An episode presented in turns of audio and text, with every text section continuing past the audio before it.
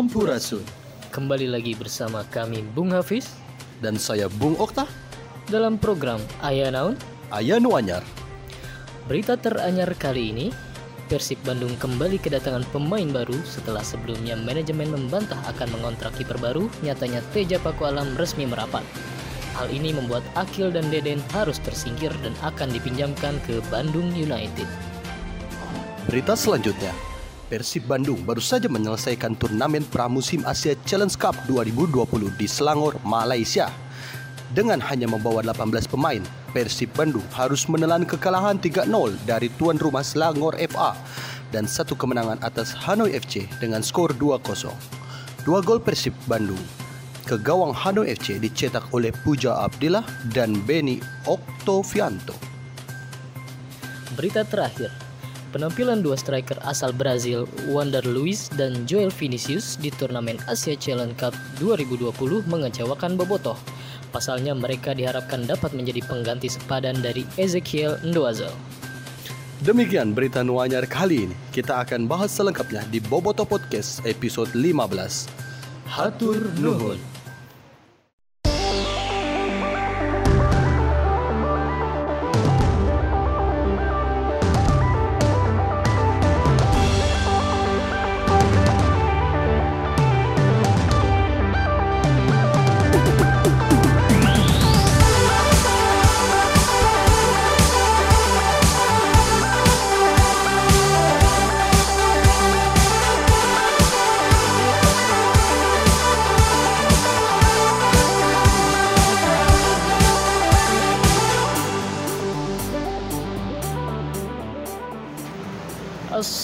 Assalamualaikum warahmatullahi wabarakatuh.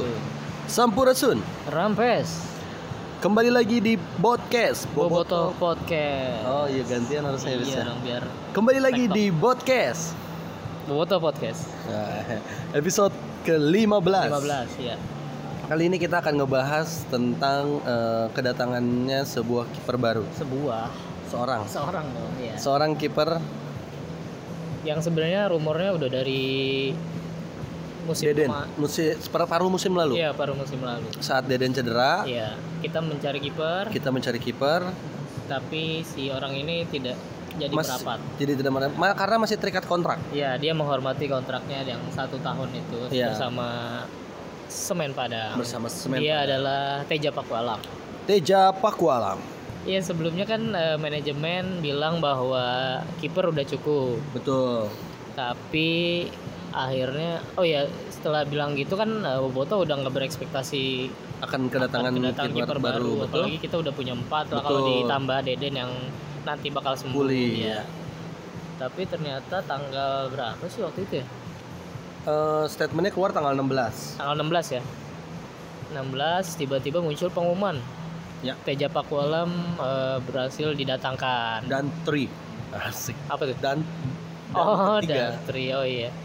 Iya Dia benar. menjadi pemain ketiga yang resmi dikontrak oleh Persib Bandung untuk menyambut musim eh, Liga 1 musim 2020-2021. Iya, betul. Nah, jadi eh, perihal Teja Pakualam ini sendiri pada statementnya eh, yang dikutip dari eh, bola.com Iya. eh, Teja Pakualam eh, berstatement Iya. Alhamdulillah senang dan suatu kebanggaan bisa bergabung Persib saya dikontrak 2 tahun dengan opsi perpanjangan Iya. jadi eh, Teja menyatakan eh, kesenangannya tapi tidak pada Boboto Waduh. gimana? oh iya dong kan Teja bersyukur Ya, kitanya tidak bukannya nggak bersyukur, cuma emang bingung aja. nggak udah lapis Enggak, serius serius. Sebenarnya kalau di dia dua kali main di liga sebelumnya timnya degradasi tapi itu kalau di catatan musim lalu dia paling banyak save dari kiper-kiper yang ada dia paling banyak save. Jadi mungkin Ya. emang backnya aja, back back. oh back back sebelumnya yang kacut marut Kacrut ya. Ya. namanya juga eh, mentereng ya Teja Iya. Pakualam ini juga sempat masuk timnas Yap. eh, apa punya skill yang mumpuni mungkin ya memang benar kata Hafiz tadi tim sebelumnya atau backnya pertahanan yang kurang namun eh, yang menjadi kekecewaan dari Boboto adalah eh, Boboto atau Persib sendiri sudah memiliki empat kiper Nah, iya itu. dan eh, Teja Pakualam ini adalah sebenarnya opsi pertama sebelum Dika Bayangkara hadir Iya. kayaknya gagal terus udah kadung janji Hmm. tim sebelumnya degradasi membuat Eja Pakuala menagih. Oh. Nah, kayaknya ini asumsi yang eh, Asumsi mencuat liar. asumsi liar yang ada di benak Boboto ya. Iya, iya. Ini kan sebelumnya ada Victor Bonevo juga, Hmm. terus ada Benny Oktovianto, dan yang ketiga ini Teja. Teja Pakualam. Nah dari tiga nama ini masih belum ada kejutan dari Iya, manajemen. Ini betul. bagaimana Pis? Menurut lo Pis? Iya, itu juga yang makanya orang tuh waktu begitu diumumin Teja Pakualam langsung rada kecewa gitu lah. Terus orang mention ke Teddy Cahyono di Wah, Twitter kan. Ini manajemen tuh kira-kira gitulah manajemen tuh nggak ada yang jelas gitu ininya apa namanya di bursa ya di eh, bursa transfer ini kok nggak jelas banget gitu tidak Jadi- sesuai kebutuhan tidak sesuai kebutuhan. Nah sebenarnya kan yang jadi kebutuhan kita tuh anggaplah lini, lini tengah sudah solid lah ya. Iya. Sudah kita anggap dengan datangnya Omid Nazari tuh iya eh, membuat lini tengah kita aman lah meskipun Cukup kita harus- seimbang. cukup seimbang meskipun harus ditinggal Haryono namun yang jadi permasalahan kan sebenarnya ada di lini depan. Iya, kenapa tidak fokus kepada pemain baru? Memang ada nama muncul dua pemain baru ya. Iya. Nah tapi itu nanti kita akan bahas. Iya. Dan yang pasti maksudnya kenapa harus orang yang belum pernah pengalaman di Liga Indonesia? Si strikernya. Strikernya. Nah ini kan juga jadi apa ya pikiran liar bagi Boboto asumsi liar yang ini apa sih manajemen maunya gimana sih gitu? Harusnya sesuai prioritas lah ya. Betul. Di musim lalu aja kita cuma mengandalkan Ezekiel. Betul. Ketika dia dihukum entah itu dihukum atau dia masuk timnas betul. kita benar-benar nggak ada benar-benar nggak ada lagi eh, Ujung tombak. ujung tombak. Maksudnya ada nama-nama pemain-pemain muda yang tapi tidak di tidak memiliki menit bermain yang cukup. Iya. Memang harus ada pelapis. Memang didatangkan Benny Oktovianto iya tapi kita seperti sama kita kita bahas di episode sebelumnya Pis, ya. Iya. Benny Oktovianto hadir dari Liga 2 ini masih sub, sifatnya masih subjektif dari pelatih. Iya kita belum melihat lagi hasilnya sebenarnya meskipun kemarin mencetak gol. Iya.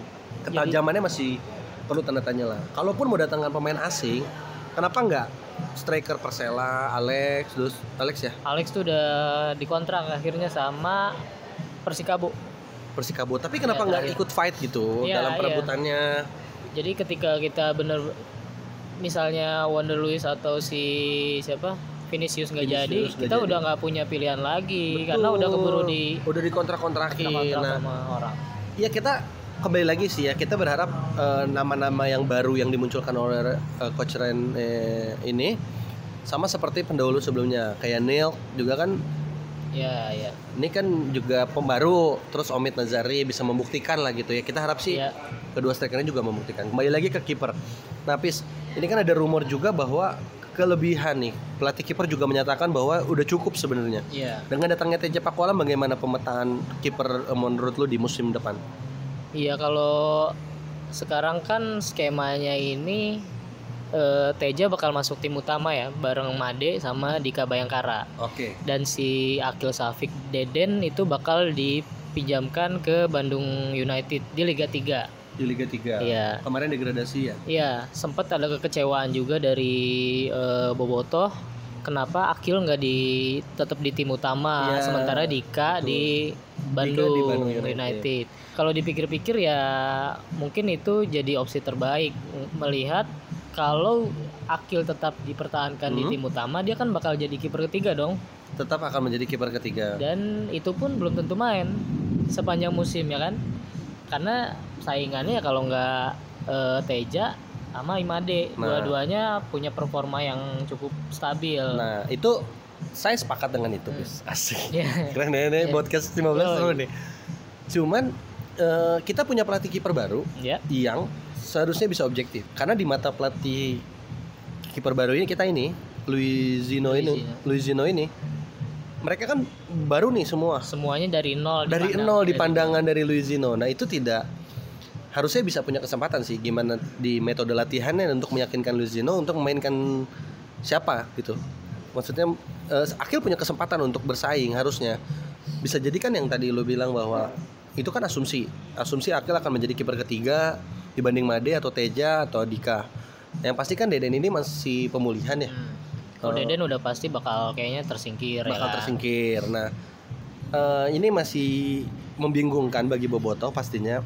tolonglah kita mention langsung di sini kan Apis jadi udah mention di Twitter ya. Udah, udah. Kita mau mention langsung eh, Bapak Teddy yang terhormat Yuk. untuk apa yang dipikirkan manajemen. Tapi ya kita balik lagi mungkin ini juga udah keputusan dari pelatih sih. Ya. Karena kan eh, bos Teddy bilangnya ya itu kan emang udah dari input dari pelatih. tim pelatih gitu. Oke. Jadi eh, kalau menurut Apis sendiri untuk kita menutup eh, pemberitaan pertama ini Iya. apa eh, gimana menurut lo? Ya Skema apa karena- yang bakal Iya karena kan udah terlanjur seperti ini ya. Hmm? Jadi ya Tapi sesu- memang sudah pasti ya Akil ke Bali. udah udah Eh ke Bali ke, ke Bandung, Bandung United. Cuma yang mengecewakan emang kenapa Bandung United harus degradasi degradasi, ke. Liga 3 itu sih yang musim Karena persiapannya tidak baik. Iya. Jadi Namanya sekarang udah nggak pakai Blitar depannya berarti. ya Bandung Udah United. Bandung United resmi ya. Jadi ya nggak apa-apa Akil di Liga 3 yang penting dia terasa kan sebenarnya Hmm? eh, mereka latihan tetap berlima itu sama Luizinho Pasos kan. Jadi ya mungkin itu udah opsi terbaik eh, Akil semoga bisa terasa di situ Ya. dan ketika dibutuhkan ia bisa menjadi mungkin kiper utama Persib di Mhm. masa depan karena sejauh ini kan eh kita nggak di kiper nggak ada produk lokal kan Iya, betul. di musim ini berarti Betul. kan Eh, kalau menurut Apis siapa yang akan berpotensi menjadi kiper utama Apis? kayaknya mungkin Teja mungkin jadi kiper utama kalau emang dia bisa menunjukkan ini ya karena kan dia masih Uh-uh. muda juga kan Iya, kata betul. kata lu kan Iya Luizino suka kiper-kiper pemain mu- muda kiper-kiper muda. gak muda-muda banget cuma dibandingkan Imade mungkin eh, berpotensi apalagi di Borneo kan dia mengorbitkan pemain untuk jadi pemain timnas Hmm. sementara kan Imade ini kan udah mungkin udah bukan Iya, usianya betul. lagi Bukan usia emas untuk masuk Iya. timnas. Oke, kalau menurut gua malah ada memungkinkan bahwa eh, ini kan kita lihat juga eh, dari berita yang tadi saya sebut ya dari mbol apa bola.com ini bahwa eh, baru tanggal 22 Januari nanti Teja Pakualam akan bergabung bersama tim. ya Nah, kalau gue lihat kemarin Dika eh, masih banyak kehilangan bola. Mungkin Iya. masih itu yang akan jadi sorotan Luigino ya. hmm. Kalau gue sih berharapnya eh Made kayaknya sepertinya akan menjadi kiper ketiga menurut Oh, saya. oke. Jadi kiper pertamanya Teja, kiper keduanya Dika Bayangkara, terus yang ketiganya Imade. Itu sih menurut gue ya. Kita masuk pemberitaan yang kedua, Pis. iya ini terkait dengan turnamen pramusim Turnamen pramusim Persib di Malaysia di Malaysia betul di Selangor tepatnya. iya sebenarnya dari eh, Lu nonton kemarin? nonton yang Dua match? pertandingan pertama nonton yang kedua itu rada-rada membingungkan telat Tapi membingungkan juga. Karena- karena turnamen ini eh, cukup mengecewakan ya dari segi penyelenggaraan Eh, untuk eh, penyelenggaraan. penyelenggaraan untuk si tim tamu ah, karena kan di pertanding- pertandingan pertama yang tadinya jadwalnya 7.20 kalau nggak Hmm. salah ya, 7.20 malam jadi 8.20. jadi jam 8 lah jam, Jam 8, 8, ya. gitu kan itu terus eh, di pertandingan kedua yang tadinya jadwal 4.50 atau 4.45 gitu Maju. ternyata mulainya udah jam 3 eh jam jam, Jam 4 ya jam 4-an gitu kan dan akhirnya di babak kedua eh, tidak diselenggarakan karena eh, Cuaca. cuaca buruk dan lapangan Tidak cepat iya jelek gitu jelek ya, jadi drainase. drainasenya. Nah, ini kalau gua menyoroti sih Pis ya. Gak bisa dijadikan acuan ternyata benar seperti yang gua sampaikan di episode sebelumnya Pis. Ini nggak bisa jadi acuan kita karena memang coach eh, Robert ini eh, masih mau rubah formasi dengan rubah pemain ditambah pemain intinya nggak ada kan. Iya. Jadi kalau kita lihat kan kemarin eh, kapten Deden ya.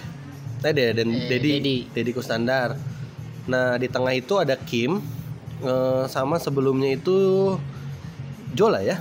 Oh, bukan. Gojali sama Freds. ya Gojali, Freds. Jadi kan formasinya 4-4-2 nih. iya Ya. 442 Ada hand-hand kacau banget kemarin mainnya. Nggak tahu nervous nggak tahu apa ya. Zalnando terlalu keras tapi baik. Iya Di tengah Fa- Fabiano sama Indra Mustafa masih belum padu masih tuh. ya masih linglung lah Masih linglung gitu. Mana yang harus di cover atau ya wajar lah ya lawannya Si- juga berat sih ya Selangor.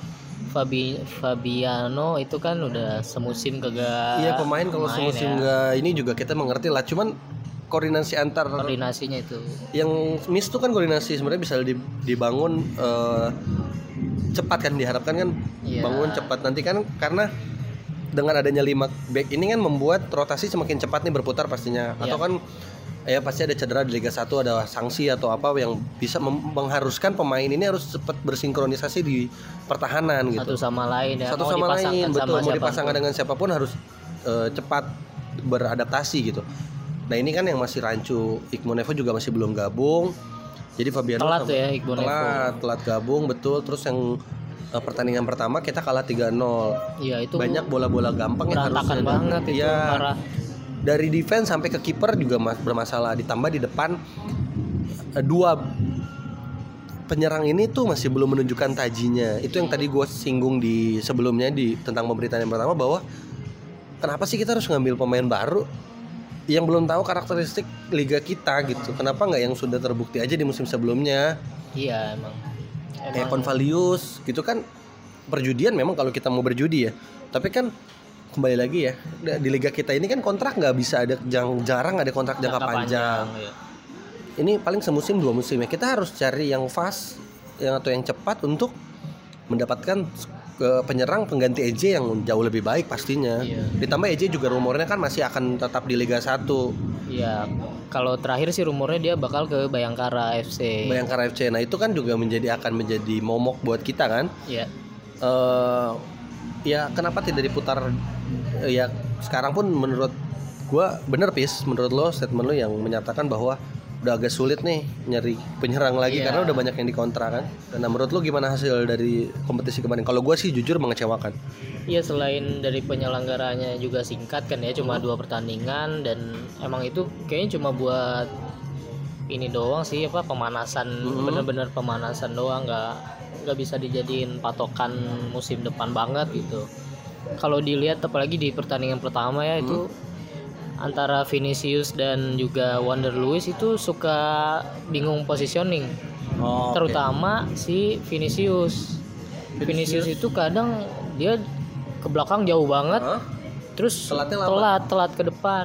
Nah kadang di depan juga dia suka apa bersinggungan dengan Wander Luis oh, oke. Jadi kadang dia dua rapat padahal dia harusnya melebar atau ke mana gitu. Nah, ditambah pun kalaupun kemarin di pertandingan pertama lawan Selangor, gue masih melihat ada egonya dari Gozali sama Freds untuk membuktikan diri.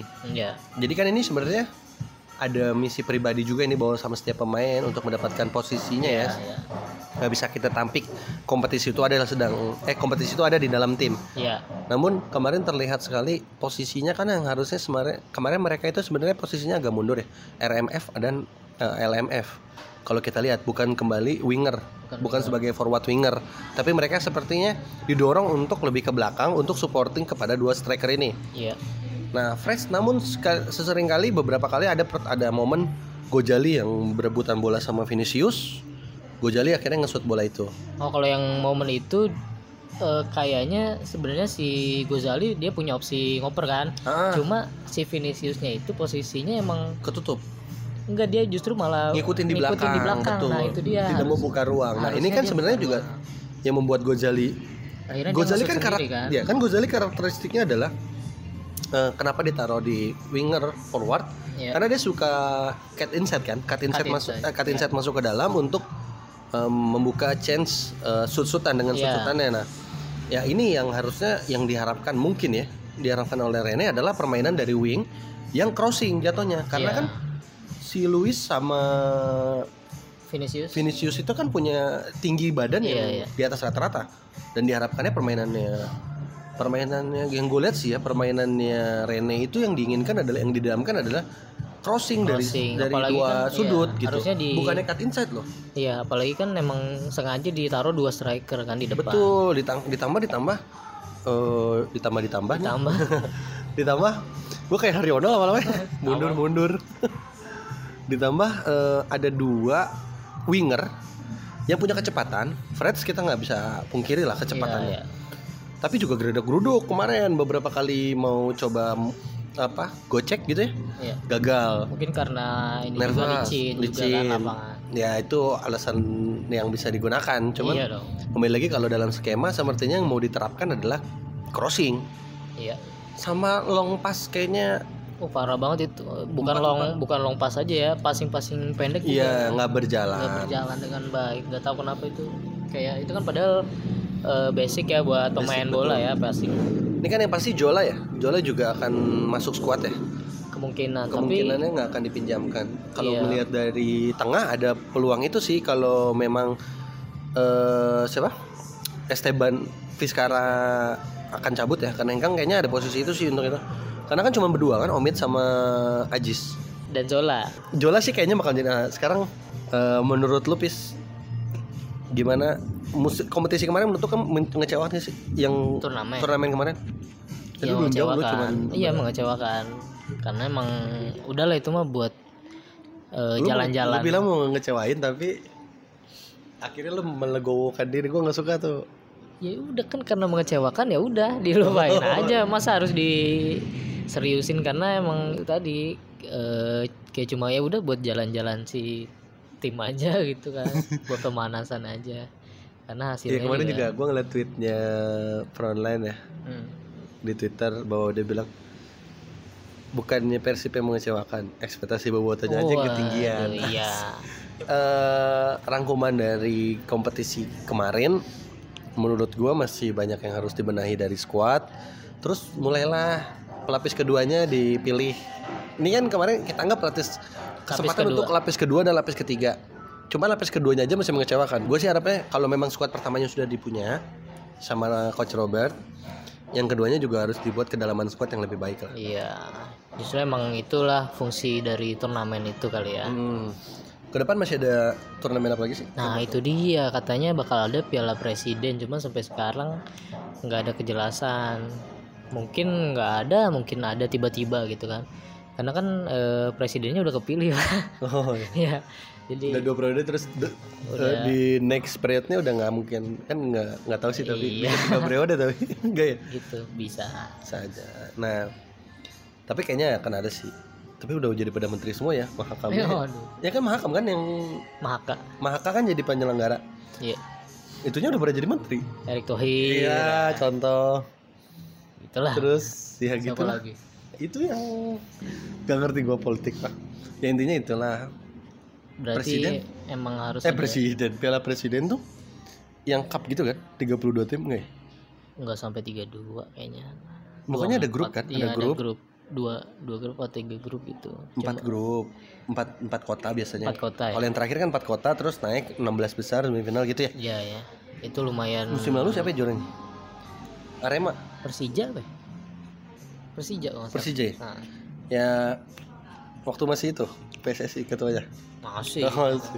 itu lu ada gambarnya nggak apa? gue inget banget musim lalu kan lu di ini ya di off air ya di off air asik di off air Ya tuh. kalau off air nggak usah oh dibicarain. iya lo memprediksikan sebuah tim Bakal juara. bakal juara Juara apa nih? juara liga Juara liga kayak Udah ada belum? Liverpool. waduh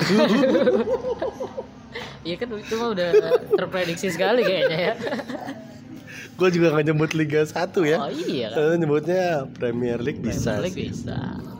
jadi nggak ada peluang bagi MU kita- Aduh, kayaknya kita podcast. kenapa jadi bahas podcast bola Iya, mungkin eh, kalau di musim depan ya rumor-rumor sih ada Wih, lu orang dalam ya Hah? orang dalam PSSI si orang dalam. Ada tuh kalau di Instagram kalau lu cari si orang dalam dicari tuh iya itu bener ada. dia ngomong Persija Eh, gua nggak tahu, nggak nggak follow juga karena kan Oh. dia di protect gitu kan ya. oke jadi protek sama Sama, dan Haris. oh, wow. Tapi rumor-rumor ya itulah ada Persib katanya bakal juara. Enggak, gue mau ya- nyiapin soalnya Hah? Nyiapin izin ke istri Oh, buat Kalau konvoy gitu selebrasi ya. Iya buat kalau nonton Ya udah izin aja. Pasti juara emang Itulah. Ya eh Jadi dari sebenarnya apa? kita nggak usah khawatir dengan squad ya kalau Iya betul ya Nggak maksudnya juga ini membuk eh, Ini juga buat plan gua mengatur schedule kita bikin podcast sih sebenarnya. Iya ya. Jadi nggak usah sering-sering lah. Kalau udah juara. Gak usah ada yang dibahas ya. Bahasnya tentang juara aja mau Bahasnya kita perayaan di mau mana. rayain di mana. Asik. Oke. Eh, ntar kita bikinnya spesial yuk Apa? kalau juara. Kalau juara ya. Kalau juara. Kalau juara. Kalau juara ya kita harapkan kan musim depan kita dapat hasil yang terbaik lah. Iya. Hasil terbaik itu kan juara ya. Iya. Nah, balik lagi ke berita yang tadi dibawakan oleh Bung Okta di eh, segmen Aya Naon. Ayo nu anyar. Nah, lu sudah siap dong. Iya iya. Di segmen Aya Orang Naon. lagi bengong lu. Di segmen Aya Naon. Nu anyar. Nah, itu juga terus kita bahas. Sekarang menurut lo bagaimana performa kedua kiper terakhir? Eh, kok dua kiper sih? Kedua penyerang. Penyerang. Ya itu tadi sih Vinicius. Kalau Wonder Lewis mungkin masih ada ini ya kalau di Vinicius yang botak ya sih? Vinicius yang botak. Oh iya, oke. Kalau di hati orang ya oh iya, Eh, eh, Wonder Lewis masih ada peluang untuk bisa tampil lebih baik lah gitu dibandingkan di pertandingan kemarin. Kan di pertandingan kedua juga dia doang yang dimainin kan. Iya, betul. Vinicius nggak dimainin. Eh, kalau Vinicius larinya juga Lambat. kurang meyakinkan. Hmm. Orang-orang bilang kayak Carlton Cole di oh, musim, Cole di musim 2005. 2015. Yang kita juara pokoknya. Juara apaan? Juara Eh, pasti ada kita juara. juara dalam hal transfer Iya. karena kan bisa Datengin Essien, Essien, Carlton Cole. Carlton Cole terus. Orang itu hampir degradasi kok di musim itu kita kan Nah, nyaris degradasi. Pokoknya kita tuh emang kesulitan banget memilih kita apa Persib? kita adalah bagian dari Persib. Persib, kan? Eh, Persib itu kesulitan eh, mencari striker yang pas itu. Itu kemarin Endoazel itu juga ya syukur aja gitu. Kita kan dapat di tengah musim kan Hmm. gantiin Carlton Cole. Ya itu lumayan lah. Tapi sebelum-sebelumnya kita punya sejarah kesulitan mencari striker asing yang berkualitas. Terakhir tuh kayaknya Sergio Van Dijk tuh. Sergio Sergio Van Dijk. Terakhir. ketajamannya um, di luar apa ekspektasinya terlalu tinggi sih kita karena kan dia pernah main di Singapura Australia. Australia. Tapi ya lumayan lah dia Ya. mampu membuktikan. Cuma karena cedera waktu itu, Hmm. Akhirnya eh, gagal di Hmm. musim selanjutnya. gitu. Ya ini di tahun 2015 ya tahun 2015 kalau nggak salah kita sempat menyeleksi sampai 10 striker itu untuk menghadapi musim 2015 Jajang Nurjaman tuh kedatangan eh, 10 striker kalau nggak salah Hmm. itu buat digan- menggantikan Ferdinand Sinaga dan Jibril Kolibali ya? Iya setelah juara itu kan 2014 kan Hmm, juara. Ada 10 nama yang ikut lat ini masih mending dua berarti ya? Apa? Maksud lu gitu kan? Apa? Dua ini masih mending dibanding jajang jajang zaman dulu gitu. Sampai Ya, 10 sampai 10 ya jadi si Ren ini masih mending lah cuman dua doang nyeleksi Iya. striker tapi kalau dua-duanya fight mendingan ini 10 tapi file semua kan Well semua Oke, itu aja sih yang kita bahas. Ya pasti harapannya ke depan Persib menjadi lebih baik. paling enggak kita harus punya striker yang yang bisa jadi andalan lah Ya, yang pasti juga eh, yang terbaik buat Deden cepat pulih. Iya, karena percuma kita punya kiper 5, back tengah 5 Nah, kalau strikernya nggak bisa cetak Kalau strikernya nggak ada, Iya. ayo gimana tuh? Gak bisa main, gak ada striker. Jadi kiper 5, Kiper lima, back, back lima. 5 udah 10 Pemain tuh. tengah satu. Main tengah satu. Jadi cuman Nggak ada striker. serangan Iya, doang. makanya. ya bener percuma sih jadi. Iya. Yang kita harapkan sih ke depannya eh, kedalaman skuad Persib jadi lebih baik lagi karena kita sudah belajar dari musim eh, dua musim yang lalu bahwa karena banyak hukuman diberikan oleh PSSI kepada skuad utama jadi membuat kita keteteran ya di oleh skuad keduanya. Iya. Itu juga perlu menjadi perhatian. Eh, itu aja sih yang kita mau bahas di episode 15 ini ya. Hmm, Ada lagi bis? udahlah. Kayaknya kita juga belum ada info terbaru soal mungkin ada training center atau apa gitu Pergerakan kan. betul. Nanti mungkin akan kita dekat-dekat ke liga ya. Kita akan bikin podcast lagi. Ini karena ada yang seru aja kemarin ya. Ya. Asia Challenge Cup ini ada kegiatan di Persib juga. Dan kita tunggu transfer-transfer dari manajemen Persib, Kang Teddy. Down down lainnya. dan dan lainnya. Eh, itu aja sih yang bisa disampaikan. Eh tunggu, eh, kalau menurut lu Eh, Oh, belum. Apa nih? Lu mau kira-kira siapa lagi yang bakal didatengin? Oh. Ada nggak? Kalau gue sih pengen ya. Nih, gak apa-apa kan kita gini. Kalau gue sih pengennya Ciro. Walaupun dia udah perpanjang kontrak sama Oh, Persikabo. Persikabo. Segala hal bisa terjadi sih ya. Oh iya, apalagi di Liga Indonesia. Liga Indonesia ya. gue sih pengennya Ciro. Terus eh aduh. Kalau lokal itu gue kemarin udah nyiapin nih. Siapa? Striker juga tapi. Enggak, pemain sayap sayap sayap. Hmm. Febri Haryadi. Gimana? Oh, udah di kita itu ya. itu udah. Udah di tapi kita ya? segala hal bisa terjadi. Terjadi. Jadi dia ke Bali, eh ke Bandung United. kan? Iya. Siapa ya? Gue nggak ada sih pis. Iya. Puguh karena eh kemarin Bali United juara pun pakai skuad yang musim sebelumnya kan, nggak terlalu banyak perombakan. Iya. Siapa ya? Gue pengennya striker kalau yang tajam Ciro buat di kanan sama depannya itu Alex. Tapi kan Alex sudah dikontrak Iya. Sama Persikabo juga. Mm. Gue pengen itu tuh tadinya. Cuman memungkinkan nggak ya? Semoga ada Ada keajaiban. keajaiban. Tapi kalau yang free transfer gitu ya, nggak tahu sih. Iya, karena nggak jelas juga sih. Nggak, karena gue juga nggak tahu Kontrak, maksudnya yang free iya. transfernya siapa aja. Kontrak di Indonesia nggak jelas siapa yang udah beres, siapa yang belum. Kalau lu siapa? Ada yang lu pengen?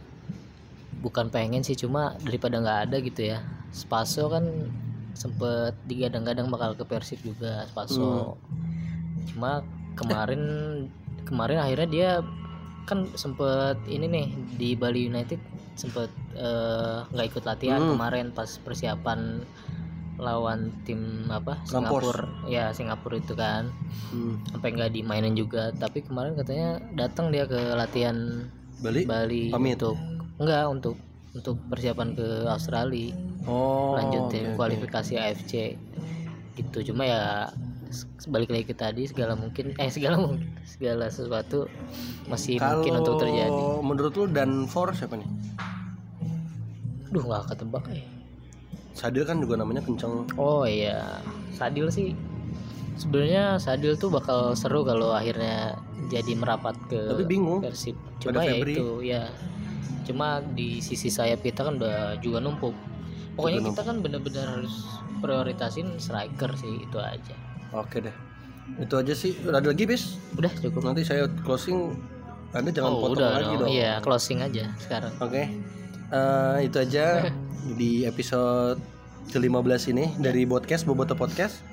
Buat kalian yang ingin ngobrol atau memberikan berita terbaru tentang Persib Bandung, bisa di-mention ke Twitter eh @hafiz yang berapa A-nya? I-nya tiga kali. dua dong Oh, I-nya dua. Hafiz Hah? H A V I I Z. Ya adalah di Ah, podcast tuh. Hafiz, at Hafiz, nah di podcast juga ada atau ke at gio.okta eh underscore okta. Itu aja. Atau bisa kalian di Instagram bot cash ya. Iya bobotoh.podcast boboto.podcast at boboto.podcast kalian bisa taruh di komen eh, nanti kita akan bahas ya. Ya. Eh, apa yang kalian kasih masukan lah gitu ya intinya ya. Ya. Itu aja sih yang bisa kita sampaikan. Iya betul Eh, sebelum akhir kata iya saya aduh Oke, serius serius serius. Akhir kata saya Sadi Ramdhani. dan saya Dani Dino Dani Dino siapa Dani Dino? ini ada buku di sini Oh, Dani Dino. namanya Dani Dino Mohon undur pamit. ya Hatur nuhun. hatur nuhun